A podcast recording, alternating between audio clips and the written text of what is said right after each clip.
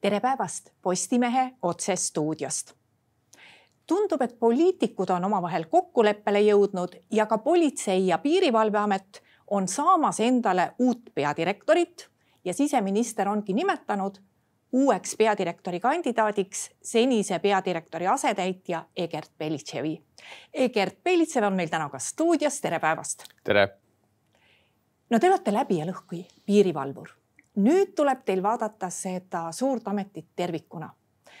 mis see kõige suurem väljakutse tänases muutunud maailmas Politsei- ja Piirivalveameti ees seisab? esimese asjana ütlen seda, et olen kaksteist aastat töötanud Politsei- ja Piirivalveametis ehk siis seda ametit on, seda ühendametit olnud juba, juba kaksteist aastat ehk siis tegelikkuses teen täpselt neid töid, mida on vaja riigil selleks, et riigis oleks turvaline. Ja selle aja jooksul on olnud ka palju neid hetki, kus, kus ma olen täitnud kriisijuhi ülesandeid ehk siis kriisistaapides juhtinud kogu asutuse tegevusliine aga kui me räägime väljakutsetest nii-öelda järgmiste aastate vaates, siis, siis ilmselge on see, et üks kõige suuremaid väljakutseid on see, kuidas hakkama saada ees ootavate kriisidega või nende kriisidega, kus me oleme. Ja kuidas hakkama saada selle julgeolekuolukorraga ja ohuga avalikule korrale, mis sellest tuleneb? No tegelikult olete just teie selles valdkonnas, kes juhina on eh, viimaste aastate kriiside puhul saanud nagu sõna otseses mõttes selle kõige suurema kogemuse, sest kõigepealt tuli koroona eh, siis ju ka meil oli vaja piiridel tegutseda, taastati ajutine piirikontroll ja noh, see haiguse kontrollimine oli üks eriti imelik ja naljakas asi. siis algas Ukraina sõda, enne seda veel juba oli oht põgenikekriisiks, kui vaadata seda, mis toimus Poolas nii et tegelikult, kui nüüd keegi selles ametis on pidanud sellele uuele olukorrale väga kähku üle minema, siis just see pool, mida teie olete juhtinud. tänases päevas, kui palju on pidanud oma senist tegevust üle vaatama ja kui palju juba ütleme, see piirivalve pool on kohanenud nende kriisidega või tuleb ikkagi midagi teile veel üllatusena? üllatusi tuleb alati ja, ja tegelikult üllatuste ees ei tohiks äh, ära kohkuda ja ei tohiks karta üllatusi. Äh, mis on meie ülesanne olnud juba äh, päris mitu aastat, toime tulla nende erinevate muutustega meie ümber, ehk siis nii nagu te õigesti mainisite, rändekriis Leedu piiridel, hiljem ka Läti ja, ja Poola piiril, mis oli veid, oli teistmoodi, teistmoodi kui kõik need olukorrad on olnud varem. Et ma toon lihtsalt hästi lihtsa näite, et ka meie oleme ette valmistunud massiliseks sisserändeks, me oleme ka ette valmistunud selleks, et äh, üle meie piiride hakkab tulema äh, siis massiliselt äh, ebaseaduslikke sisserändajaid. Mida näitas olukord Leedus, Lätis, Poolas, see olukord oli hoopis teistmoodi, sellepärast et võrreldes varasema perioodiga, võrreldes sellega, millega Euroopa Liit oli harjunud, toimus ränne teistmoodi, ehk siis, et see ei olnud omaalgatuslik. Seal oli väga-väga konkreetselt korraldatud naaberriigi võimude poolt, riik oli otseselt seotud ja me täna näeme jätkuvalt neid pilte Leedust, Poolast, kuidas äh, aedade, ehitatud aedade sisse teevad auke mitte rändajad, vaid, äh, vaid näiteks Valgevene piirivalvurid, kes aitavad äh, aeda auke teha ja inimestel läbi saada. See on jällegi ka meile andnud neid sisendeid ja vajadusi muutusteks, ehk siis me peame arvestama sellega et nii nagu Leedu, Poola ja, ja Läti piiridel on agressiivne naaber, kes võib teha mida iganes, siis me täna teame seda, et ka, ka meie piiril on agressiivne naaber, kes võib kasutada mida iganes selleks, et meie olukorda destabiliseerida. ja see on ka see, mille, mille, mida me oleme pidanud planeerima, mida me oleme oma plaane, varasemaid plaane muutnud, eh, muutnud oma taktikaid, eh, on viidud sisse ka muudatusi õigusesse, et me saaksime eh, paremini reageerida. aga see ei tähenda seda, et nüüd me oleme valmis ja, ja sada protsenti mitte midagi enam muutma ei pea. Oluline kõige selle juures on see, et me, me teeme neid plaane, me planeerime, me harjutame läbi need oma plaanide toimimise koos oma partneritega, et iga osapool teab, mida temalt oodatakse, mida ta tegema peab ja tegelikult iga äh, osapool oskab ka teiste nii-öelda osapoolte äh, võimekust äh, arvestada. aga see tähendab seda, et me oleme ka ühtlasi valmis võimalikuks muutusteks, ehk siis see, nii, nii nagu ma ütlen, et see planeerimise protsess on üks kõige olulisemaid asju. See tähendab seda, et me teame, me tunneme, mis on meie võimekus ja see annab meile võim, võimekuse reageerida ka võimalikele muutustele meie ümber, aga me peame arvestama sellega, et meie naabriks on agressiivne riik, kes täna sõdib Ukrainas ja kellest võib oodata igasuguseid ootamatusi. no tegelikult on selle kriisi käigus mitmel korral olnud vaja ja ka selle eelneva koroonakriisi käigus taastada ajutine piirikontroll. mõnikord tundub, et poliitikute käest saab see ajutise piirikontrolli taastamine nagu valimisloosungiks, ilmselt mõnikord on see ka põhjendatud. aga igapäevaelus, mida see tegelikult tähendab ja kui kalliks see läheb, et kui kellelgi tuleb pähe, et noh, kas põhjusega või siis võib-olla ka natuke ülepingutatult öelda, et me taastame Schengeni piiridel ajutise piirikontrolli, mis see tegelikus elus tähendab, kui palju täiendavat ressurssi inimestena, inimestena näol sinna tuleb panna ja kui palju täiendavat ressurssi läheb rahaliselt sinna? eks see sõltub, sõltub kõik alati sellest, kuidas seda tehakse, ehk siis, et kui, kui meil meedias on läbi käinud, et äh, ajutine piirikontroll taastati väga pikaks ajaks äh, äh, selliseks perioodiks, mida seda ei ole kunagi tehtud Covid pandeemia ajal. me saime sellega hakkama me, me panime need inimesed sinna, aga, aga need meetmed on alati olnud erinevad. Täpselt samamoodi, kui me taastasime ajutise piirikontrolli Ukraina eh, põgenike puhul. Eh, me, me tegime seda jällegi teistmoodi, ehk siis need, need meetmed, taktikad on kõik erinevad ja selle, selle, selle siis tegevuse hind ja hinnalipik ja kui palju inimesi vaja on, sõltub täpselt seda, mida, mida me otsime. kui me otsime, kui me tahame saada Ukraina kodanike kontakte, siis meid ei ole väga palju vaja sinna siis meil on vaja väga palju ainult selle jaoks, et eh, inimestega vestelda, kuulata ära nende mude, mured, eh, neid nõustada, neid suunata edasi. kui me tahame püüda eh, kurjategijaid, siis meid on vaja oluliselt rohkem, sest kurjategija tõenäoliselt ei liigu mööda kõige suuremat maanteed, vaid ta tahab käia läbi nendest väiksematest teedest, võib-olla üleüldse teedevahelised alad läbi metsa. ehk siis, et kõik sõltub sellest, mida me tegelikult otsime, mis on meie eesmärk ja mis on meie vajadused ajutine piirikontroll on, on tegelikult väga hea tööriist, eh, aga seda tuleb kasutada siis, kui, eh, kui see, see tuleneb eh, millestki, mis meid ohustab.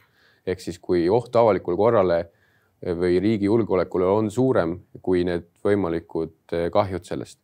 sest seal on paratamatult teatavad külgi, üks asi on see rahaline aspekt ehk siis see maksab alati mingisuguse täiendava summa, sest täna meil piiril Lätiga ei ole kontrolli meil ei ole ka sinna arvestatud personali. teine siis sellest tulenev negatiivne aspekt on ka see, et me paratamatult, kui me teostame eh, näiteks Eesti-Läti piiril eh, kontrolli, siis me peame hakkama tegema valikuid, ehk siis me peame midagi jätma tegemata. politsei ja Piirivalveameti personal on, on loetud, on piiratud ja selleks, et väga suures mahus täiendavat ülesannet hakkama saada, me peame jätma midagi tegemata.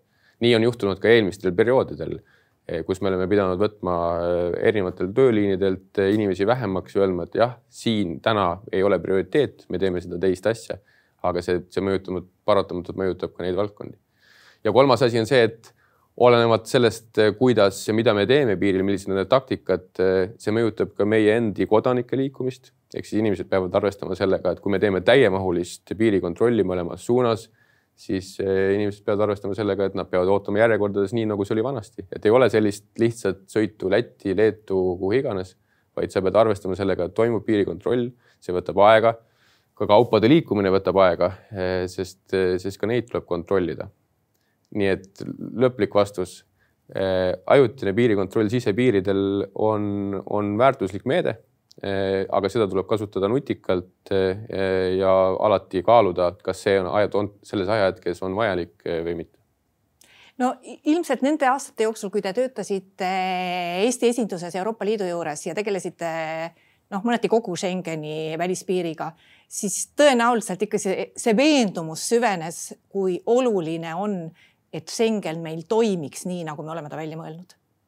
ja see, ma olen toonud seda võrdlust, kuna, kuna Euroopa Liidus või Eesti-alases esinduses töötades ma sattusin täpselt sellesse perioodi, kus eh, nii-öelda eelmine rändekriis Euroopa vaates oli just lõppemas või, või nii-öelda siis eh, lõpukorral.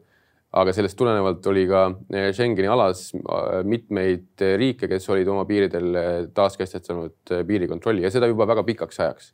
loomulikult need need mahud olid erinevad, ehk siis kuigi nad juriidiliselt olid, olid kehtest, kontrolli kehtestanud, siis nad lihtsalt tegid seda selleks, et anda see võimalus, aga väga sageli neid, neid kontrolle ka tegelikult maanteel ei olnud. aga see selleks. aga tegelikult Euroopa Liidu jaoks isikute vaba liikumine on täna midagi, mida võetakse iseenesestmõistetavalt. kui täna küsida inimeste käest, et kuidas sellega on, et kas te peate seda oluliseks siis võib-olla inimesed eh, ei oskagi nagu mõelda, et, et mida see muudab, kui meil ei ole seda vaba liikumist. aga niipea, kui see ära võtta inimestelt, siis, eh, siis hakatakse kohe eh, ütle nagu siis nurisema selle üle, et ennem oli palju parem, et miks ma pean nii palju, nii palju aega kulutama selleks, et sõita üle piiride riigi, Schengeni riikide vahel miks on vaja neid kontrolliprotseduure, miks kaupade liikumiseks on vaja eh, nii-öelda tarneahelasse, logistikaahelasse planeerida täiendavat aega, ehk siis kõik niipea, kui sa selle vabaduse ära võtad, siis kõik tunnevad, et midagi kadus ära kui me vaatame nüüd seda piirijuppi, mis on meil nii-öelda idapiir ehk siis Euroopa Liidu välispiir, kuidas meil seal praegu olukord on? kuidas meil väljaehitamise koha pealt olukord on? kõik hakkab enam-vähem korda saama väljaehitamise protsessid toimivad hästi, ehk siis, et tegelikult esimene kakskümmend kolm kilomeetrit meie idapiiri Vene Föderatsiooniga on, on juba valminud nii-öelda taristu vaates. järgmise aasta alguses tuleb sinna peale ka tehniline seire. juba tegevuses järgmised nelikümmend kilomeetrit, kus tööd aktiivselt käivad, tegelikult ehitaja juba püstitab taristu elemente, nii et suur osa on töös ja selles osas tegelikult äh, kõik on plaanipärane ja, ja sellisel kujul, nii nagu me oleme planeerinud, peaks piir valmis saama kahe tuhande kahekümne viiendaks aastaks ehk siis selle kahe tuhande kahekümne viienda aasta jooksul. kui vaadata nüüd ohuolukorra koha pealt, et äh, kui palju meil on ohtlikke situatsioone, selliseid, mida te, millest te võib-olla iga päev ei raporteeri, aga mida te ometi teate, et kui palju viimaste kuude jooksul näiteks on erinevaid äh, imelikke katseid või lausa ründelaudseid katseid olnud meie idapiirile, kas on? Viimaste aastate jooksul, kui me oleme oma piiri välja ehitanud, eh, on üldiselt olukord olnud meie piiridel stabiilne, et me ei ole näinud väga suurt, eh, väga suuri muutusi ebaseaduslikus rändes, eh, nendes katsetes ja kõige sellega seonduvalt. loomulikult, eks üks element selle juures on ka see, et, et kuna meie ehitame välja parasjagu väga suurt osa ja väga suuri lõike piirist, siis, siis meid on lihtsalt paratamatult palju, neid silmi on palju, kõrvu on palju piiril ja, ja kõike seda korraldada on, on oluliselt keerulisem. aga, aga me näeme seda, eh, kuidas tehnoloogia arenguga muutuvad ka meie vastased, eks ju, et eh, me näeme seda, kuidas kasutatakse tehnoloogiat selleks, et eh, näiteks narkootilisi aineid üle piiri toimetada ja kõike sellega seonduvat. meie ise peame täpselt samamoodi olema valmis selle tehnoloogia vastu võitlema, aga me peame olema ise nutikamad, et tehnoloogiat kasutada, kasutama veel nutikamalt, kui seda teevad meie vastased. aga meie miinus on see, et kogu tehnoloogia äh, muutub iga päev kogu aeg äh, aina odavamaks ja odavamaks ja lihtsamini kättesaadavaks nii et salakaup hakkab üha enam ja enam tulema meil droonidega ja mitte ainult äh, läbi õhu, vaid ka mujalt, läbi vee. kuritegelikud ühendused, kurjategijad, vastased, kes iganes soovib õiguskorda rikkuda või Eesti avalikku korda, avalikku korda ohustada Nad kasutavad selleks alati kõige lihtsamat äh, moodust. kui antud hetkel kõige lihtsam viis äh, äh, siis näiteks kaupasid smuugeldada, on kasutada selleks droone, siis nad seda teevadki. kui tekib mingisugune muu lihtsam võimalus, siis kindlasti kasutatakse seda võimalust aga meie, meie piiride vaates on ka see, et kui see, see väljaehitamise kontekstis on väga oluline see, et me tegelikult saaksime ülevaate terviklikult sellest, mis meie piiridel toimub. sest ma tunnistan täna ausalt, et eh, kui meil ei ole seiretehnilist pilti, kui meil, kui meil ei ole piiridel tehnoloogilist valvet, siis eh, me ei tea, mis toimub kõigel sellel kolmesajal kilomeetril, mida, mida me Vene Föderatsiooni ja Eesti vahel valvame. sest me väga suurel osal veel jätkuvalt tugineme sellele, mida ütlevad meie, eh, meie patrullid, keda ei ole nii palju, et, et iga meeter piirist saaks kaetud, see ei olekski Eesti mõistes võimalik ja, ja me tugineme sellele infole, mida me oleme kogunud. loomulikult meil on targad, äh, hästi välja õpetatud inimesed, kes on nutikad, aga, aga see on ikkagi teatud piiratus, ehk siis, et sel hetkel, kui meie patrulli seal ei ole, siis me ei tea, mis piiril toimub. ja kogu selle nii-öelda tehnoloogilise piiri väljaehitamine on ka selleks, et saada ka palju targemaks sellest, mis toimub, sest täna tõenäoliselt on meie piiril ka veel neid asju, mida me ei tea, et juhtub. ma loodan, et neid on küll väga vähe, aga, aga neid asju kindlasti on, sest täna veel ei ole kogu piir kaetud tehnoloogilise seirega kuidas on praegu meeskonna osas nii piirivalve poole peal kui politsei poole peal? uue juhina, kui murelikuks teeb teid personal ses mõttes, et palgad ei ole kõrged ja on teada, et politseil on täpselt sama mure, tõenäoliselt ka piirivalvel, nii nagu ka päästjatel, inimesed lähevad teisele tööle, kus makstakse rohkem palka. kui suur probleem see on? See on meie jaoks probleem, meie jaoks on probleem see, et me ei ole palgaturul eh, konkurentsivõimelised.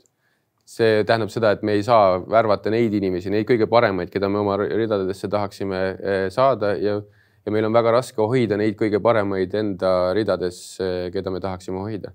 et see on kindlasti, kindlasti probleem, me oleme palju teinud selle nimel, me oleme Politsei- ja Piirivalveametina palju teinud selle nimel, et teinud ümberkorraldusi, üritanud leida asutuse seest eh, selle jaoks raha, et inimeste palkasid tõsta me oleme viimastel aastatel teinud palju muudatusi ja, ja, ja asutuse sees ka seda raha erinevate nii-öelda ümberkorralduste vaates leidnud. me oleme jõudnud tegelikult suhteliselt piiri peale, et meil ei ole seest enam leida seda ressurssi eh, sellisel viisil, et eh, märkimisväärset muutust teha, ilma et eh, me kuskilt mujalt hakkaksime midagi vähem tegemaks. sel aastal ka tegelikult valitsus on eraldanud Politsei- ja Piirivalveametile ja teistele siseministeeriumi allasutustele samamoodi raha palgatõusuks Eh, mis on väga arvestatav summa. Meie eesmärk on kogu aeg olnud see, et, et politsei ka, politseiametniku palk või alustava politseiametniku palk võiks olla võrdne Eesti keskmise ühe koma kahekordse palgaga. aga me ei jõua sellele kuidagi järgi, sellepärast et need muudatused, mida me ise oleme teinud, need, need võimalused, mida valitsus on leidnud selleks, et, et siis meile lisaraha anda, et palgatõusu läbi viia, tulevad kahjuks ajal, kus, kus üldiselt on Eestis väga kõrge inflatsioon, kus keskmine palk tõuseb väga kiiresti, sest ka kõikides teistes sektorites on, on, on needsamad probleemid ja see on äh, tõepoolest meie jaoks murekoht, me peame pingutama selle nimel jätkuvalt ka edasi, et, äh, et politseiniku, politseiametniku palk oleks vääriline, ehk siis, et ta, tun, ta tunneks seda, et, äh, et see töö, mida ta teeb turvalisuse loomisel, et see panus, mida ta annab, on, on väärtustatud ja et ta ei pea mõtlema oma nii-öelda siis sotsiaalsele kindlustatusele selleks, et oma siis peret perele tagada see vajalik siis eh, nii-öelda elukvaliteet. kui tulevad need hetked, kus, eh, kus inimene peab valima ja talle pakutakse kuskil mujal oluliselt kõrgemat palka, siis, siis loomulikult inimesed tihti selle valiku ka teevad no kui piiri saab järjest rohkem ja rohkem valvata tehnoloogiliste vahenditega, siis äh, ilmselt tavalise kuritegevuse vastase võitluse käigus ei saa nüüd politseinikke ja uurijaid päris äh, tehnoloogiliste seadmetega asendada. seda enam, et mida inimesed räägivad, inimesed räägivad, et me tahaks, et oleks politseid rohkem tänaval näha, me tahaksime, et oleks liikluses politseid rohkem tänaval näha, sest see kutsub pahategijaid korrale ja see annab turvalisuse.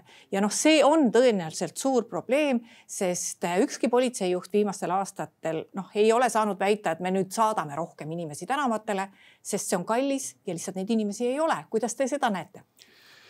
Jah, eh, üks asi, mida ma tahaks veel ka kommenteerida, on inimeste asendamine tehnoloogiaga. Eh, minu eesmärk kindlasti ei ole asendada inimest tehnoloogiaga. minu eesmärk on, kui me mõtleme nagu tehnoloogia kasutuse peale, on, on kasutada tehnoloogiat sellisel viisil, et me vabastame inimest sellest masinlikust tööst. Eh, no toon lihtsalt sellesama näite, et me võiksime öelda seda, et meil on inimene piiril, kes valvab iga päev seda ühte sama kohta või meil on äh, kriminaaluurija, kes näiteks mingit objekti iga päev äh, lihtsalt on füüsiliselt kohal ja valvab.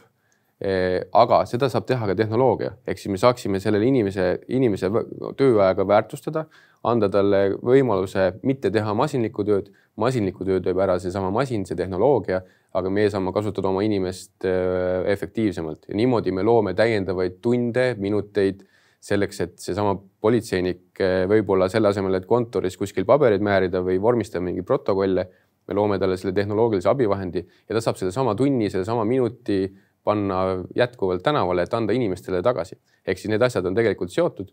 kui me kasutame tehnoloogiat, et vabastada oma inimesi ja, ja paljuski ka meie kliente sellisest koormavast siis masinlikust tööst, siis me loome sellega juurde kindlasti tunde tänavale. aga see, millele te osundasite, oli, oli väga õige, ehk siis, et loomulikult eh, iga politseijuht eh, tahaks, eh, et meil oleks tänaval neid inimesi, kes tegeleksid ennetamisega, kes räägiksid inimestega, kes suhtleksid inimestega, kes aitaksid inimesi ja, ja, ja mida rohkem meil neid on, seda turvalisem on kindlasti ka, kindlasti ka ühiskond. loomulikult me täna peame arvestama selle olukorraga, milles me oleme, ehk siis seesama palgaküsimus, see küsimus, et et meil ei ole täna ukse taga ka järjekorda, kus, kus inimesed tungivad politseiametisse, et tahavad meile tööle tulla ja, ja see on ka seotud väga paljuski selle palgaga, et meil on väga palju vakantse, kus me kogu aeg otsime inimesi ja kus meil on suured probleemid siis personali leidmisega. et need on need küsimused, aga kindlasti mõjutavad siin ka kriisid. Ehk siis kui te näiteks tõite, mainisite liiklusjärelevalvet siis see on ka üks koht, kus tegelikult selleks, et kriiside ajal panustada kõikidesse erinevatesse meetmetesse, me olemegi pidanud eh, vähendama neid eh, tunde, mida me panustame liiklusjärelevalvesse. ja see oma järgi, omakorda jällegi mõjutab, et inimene näeb meid vähem eh, võib-olla seal tänaval, võib-olla liiklusjärelevalvet tegemas. aga me teeme samal ajal seda teist kriisiga seotud ülesannet, mida meil igapäevaselt ei ole. Need ongi siis need valikud, mida me oleme pidanud tegema no millal võiks muutuda see, et inimesed saavad oma dokumente vormistada jälle normaalselt, sest praegu on need järjekorrad üüratud ja see dokumendi kättesaamine ja jumal hoidku selle eest, kui pead veel sõrmejälge minema andma, no see on ikkagi väga keeruline. kas see võiks muutuda lähiajal? ma tunnistan, et meil on neid hetki, kus, kus dokumentide siis kas taotlemise või, või kättesaamise järjekorrad on, on pikad me pingutame iga päev selle nimel, et see protsess oleks inimestele võimalikult lihtne. me pingutame iga päev selle nimel, et, et ka dokumentide kättesaamine oleks inimestel tehtud võimalikult lihtsaks. täna eh, me ka uuendame eh, regulaarselt meie siis iseteenindus, iseteeninduskeskkonda, mis aitaks siis elektrooniliselt taotleda dokumenti just ka ise proovisin selle protsessi läbi ja mis hoiab tegelikult väga palju sinu äh, aega ka kokku just selles, selle vaates, et, et sa ei pea teenindusse minema ja sa saad seda teha täpselt sel hetkel ja sel ajal, kui sulle on sobiv. loomulikult, mis puudutab dokumentide kättesaamist, siis üks uus asi, mis võib-olla ka seda protsessi lihtsustab ja kindlasti teeb nagu inimestele kättesaadavamaks äh, ka nendele nii-öelda mugavamal ajal, on dokumentide väljastamine siis äh, seal, kus inimene tavapäraselt liigub, ehk siis nendes kaubanduskeskustes, jae, jaepoodides dokumentide väljastamise alustamine. see tähendab seda, et inimese dokumendi väljastamiseks ei pea tulema enam Politsei- ja Piirivalveameti, otseselt Politsei- ja Piirivalveameti teenindusse, vaid saab seda teha oma igapäevasel töökeskkonnal. ehk siis neid probleeme on, kus need järjekorrad on, väga tihti satuvad nad sellistesse perioodidesse, mis ongi seotud, kus perioodidega, kus inimesed tulevad samaaegselt kõike seda tegema, et kas see on parasjagu äh, koolivaheaega või pühadeelsed ajad või, või sellised hetked, kus, kus paljud inimesed äh, samaaegselt tahaksid oma dokumenti uuendada. Äh, me teeme selleks väga palju vaeva, äh, pingutame selle nimel, et, et see protsess oleks, oleks iga päevaga kogu aeg lihtsam ja lihtsam. aga siin ka jällegi me koostöös saame ka seda teha paremaks ka inimestega et mida rohkem kasutatakse ka iseteeninduskeskkonda ja elektroonilisi vahendeid, eh, seda lihtsamaks teeb ka teeninduse eh, siis nii-öelda seal kohapeal teeninduskeskustes. kas meil on võimekust ka siis, kui tõesti see talv toob meile, nagu prognoositud on, täiendavad pagulaste hulgad Ukrainast? Me oleme teinud oma plaane eh, ka ümber ja me oleme oma arvestanud sellega, et, et kahe tuhande kahekümne kolmanda aasta jooksul põgenike vool eh, võib jätkuda eh, ja võib ka kasvada. sest me peame arvestama sellega, et Vene Föderatsioon täna on agressorriik, nad on nii-öelda tõmmanud lina pealt ära sellel, sellel palgel, mida väga paljud Euroopa riigid uskusid seni.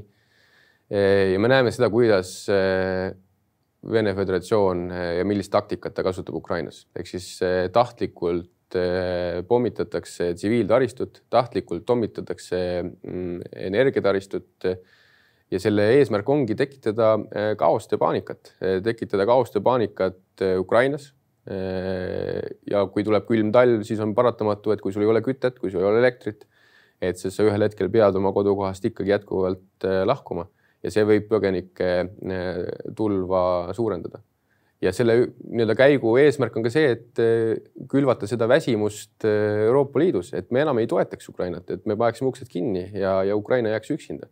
ehk siis selle jaoks, selle jaoks ongi seda olulisem meil ka riigina, kes me sellesama agressorriigi piiridel asume, jätkuvalt Ukrainat toetada, jätkuvalt toetada neid põgenikke, kes meieni saabuvad ja me oleme oma plaanid teinud ka selleks, et et valmis olla suuremaks või kasvavaks põgenike tulvaks. Aga me peame arvestama seda, et me oleme väike riik eh, ja kuskil on meie piirid. ehk siis eh, täna kõige suuremad probleemid on just sotsiaalteenustega, majutusega, eh, ka hariduse küsimustega, lihtsalt, et see tuleneb meie nii-öelda mastaapidest, et me olemegi väike riik ja, ja meie suutlikkusel on teatavates kohtades piirid, ehk siis ühel hetkel me oleme paratamatult olukorras, kus me peame hakkama otsustama seda, et eh, kas me oleme võimelised samas mahus, samas kvaliteedis neid teenuseid pakkuma või me peame tegema kuskil järeleandmisi. aitäh, Egert Belitšev tulemast saatesse. aitäh. aitäh ka kõigile neile, kes meid vaatasid. Postimehe järgmine otsesaade on eetris homme. seniks lugege uudiseid postimees.ee